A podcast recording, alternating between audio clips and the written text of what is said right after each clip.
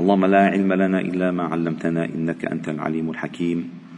علمنا اللهم ما ينفعنا وانفعنا بما علمتنا وزدنا علما. واجعلنا ممن يستمعون القول فيتبعون أحسنه. وأدخلنا برحمتك في عبادك الصالحين. وبعد.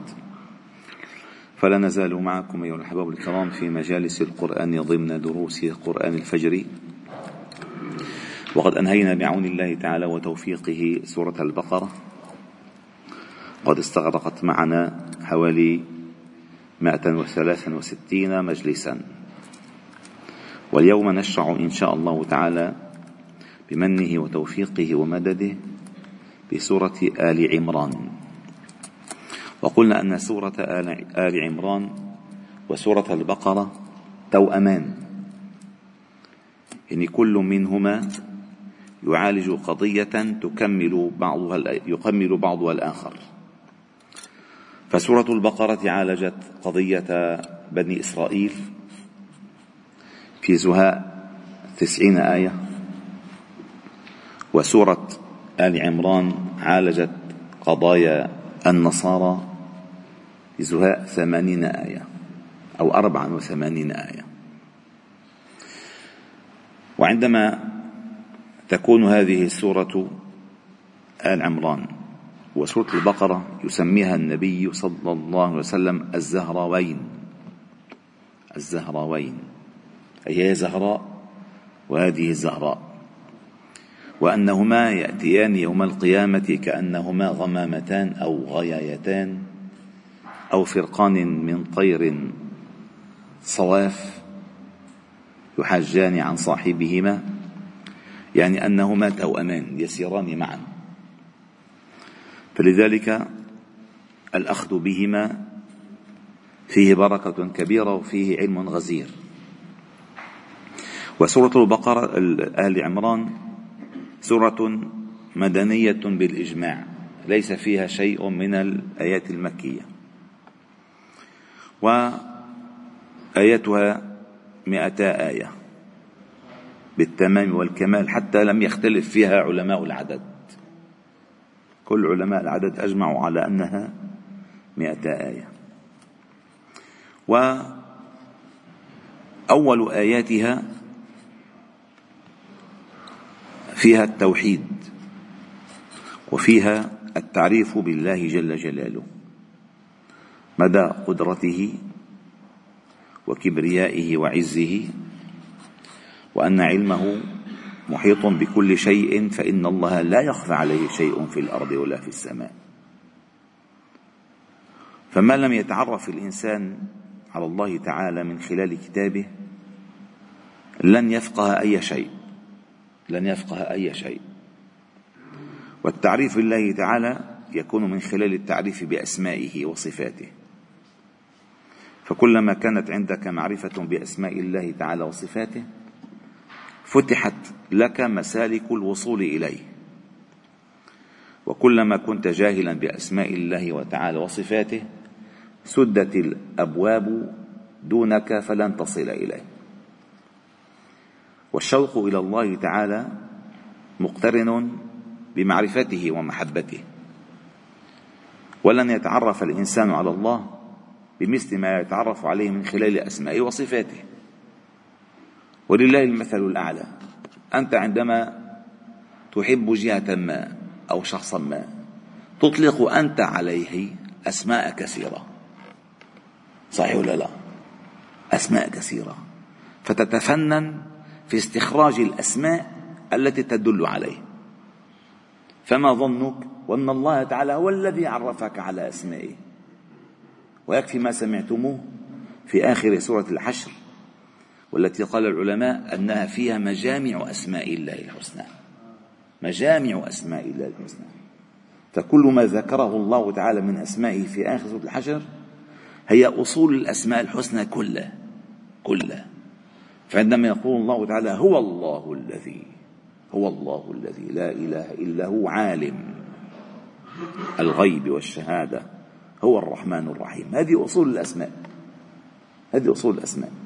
فالله عالم يعني يثبت له كل ما كل صفة تنبثق عن العلم والرحمن الرحيم تثبت له بذلك كل صفة تنبثق عن الرحمن. ثم قال هو الله الذي لا إله إلا هو الملك قدوس السلام مؤمن مهيمن العزيز جبار متكبر سبحان الله عما يشركون. هو الله الخالق. البارئ المصور. له الأسماء الحسنى له الأسماء الحسنى. يسبح له ما في السماوات والأرض وهو العزيز الحكيم. وصول الأسماء الحسنى. فالله تعالى افتتح هذه السورة بقوله ألف لام ميم. الله لا إله إلا هو الحي القيوم. الحي القيوم. وعندما شرحنا لكم آية الكرسي علمنا أن هذه الصفة لله تعالى الحي هي التي من خلالها تفهم حقيقة أسماء الله حقيقة صفات الله. فالله تعالى له الأسماء الحسنى وله الصفات العلى. الحي لا يغيب عنه شيء. وكل شيء موجود إنما موجود به. فلولا الله ما كان شيء أبدا ما كان شيء. فالله هو الذي يهب الحياة وهو الذي يقطع الحياة. هو يحيي ويميت وإليه ترجعون. القيوم القائم على كل شيء. فلا يتحرك شيء إلا بأمره وإذنه وعلمه. بأمره وإذنه وعلمه. فهو قيوم السماوات والأرض. هو القيوم قائم على كل نفس بما كسبت. لا يعجزه شيء لا يخفى عليه شيء لا يفوته شيء. هو القادر على كل شيء والعليم بكل شيء والمحيط بكل شيء والقيوم. فإذا هذه المقدمة من آيتين افتتح الله تعالى بهما كتابه العزيز أو سورة آل عمران.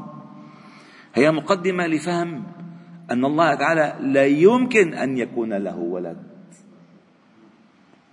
لأن سبب نزول هذه السورة تتحدثت عن قضية وفد نجران من النصارى والذين كانوا حوالي تسعين شخصا. أتى وفد نجران من النصارى كي يناظروا النبي صلى الله عليه وسلم. وباقي الآيات تتحدث عن غزوة أحد وما تبعها من دروس وعبر. أولما أصابتكم مصيبة قد أصبتم مثليها؟ قلتم أن هذا قل هو من عند أنفسكم. إن الله على كل شيء قدير. وما أصابكم يوم التقى الجمعان فبإذن الله وليعلم المؤمنين إلى آخر الآيات. فالدروس وعبر عملية. هؤلاء وفد النصارى؟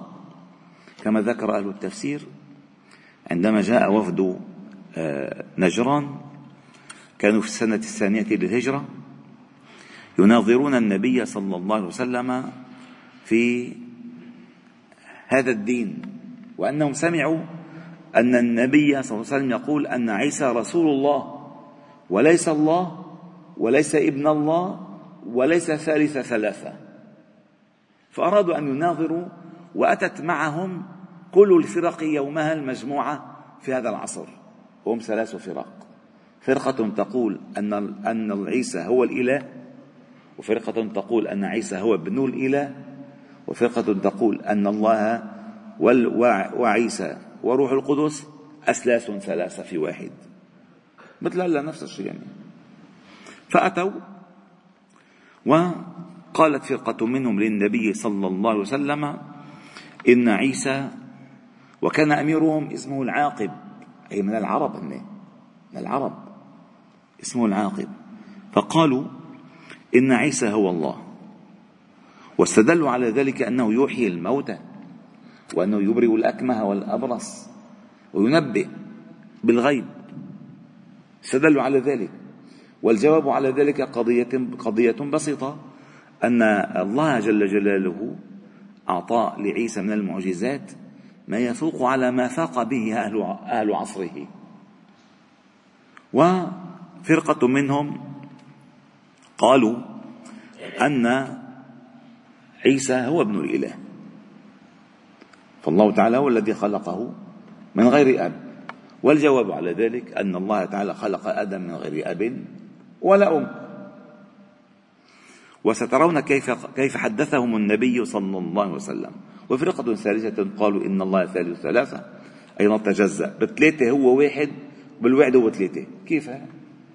لا عقلا ولا منطقا ولا دلالة يمكن أن توصل إلى هذه النتيجة.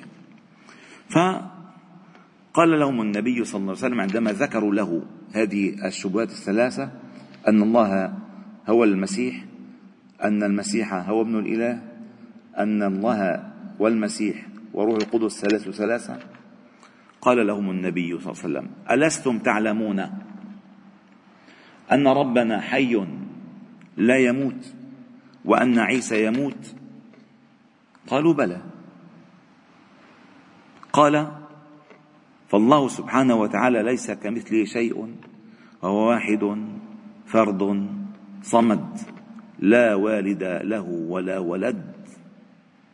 ثم قال لهم صلى الله عليه وسلم ألستم تشهدون أن ربنا قيم على كل شيء يحفظه ويرزقه؟ قيم قيوم. قالوا بلى. قال فهل يملك عيسى من ذلك شيئا؟ قالوا لا. كانوا عاقلين هذيك الأيام هلا ينسبون لمن دون عيسى من الأمور ما لا تجوز. ثم قال لهم ألستم تعلمون أن الله جل جلاله أن كل ولد يشبه أباه وأن عيسى ليس له أب يشبهه؟ قالوا بلى.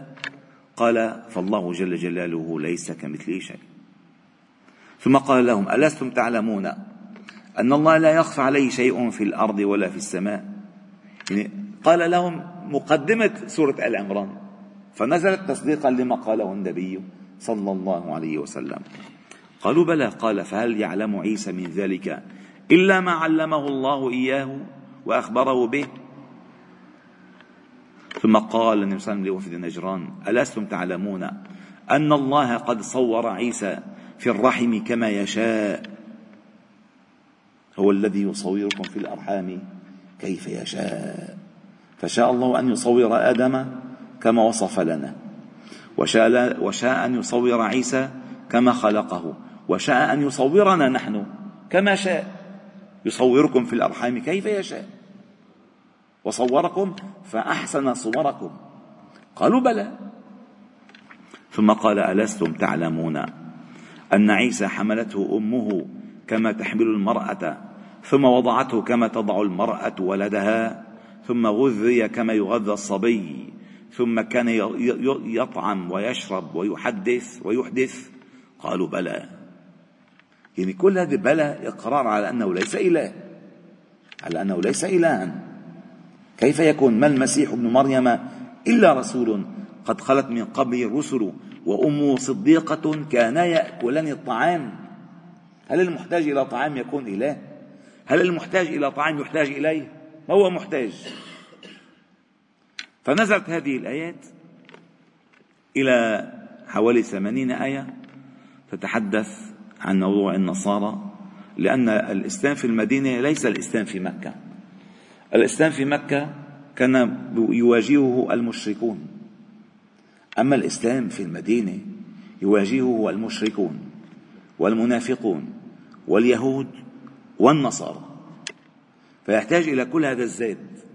فنزلت الآيات المدنية تفصل ذلك تفصيلا وسنعيش إن شاء الله عز وجل مع هذه السورة مع هذه السورة في آياتها الكبيرة بهذه المعاني وهذه المواضيع. والله تعالى نسأل أن يوفقنا لما يحب ويرضاه والحمد لله رب العالمين. سبحانك وبحمدك نشهد أن لا إله إلا أنت نستغفر ونتوب إليك وصلي وسلم وبارك على محمد وعلى آله وأصحابه أجمعين والحمد لله رب العالمين.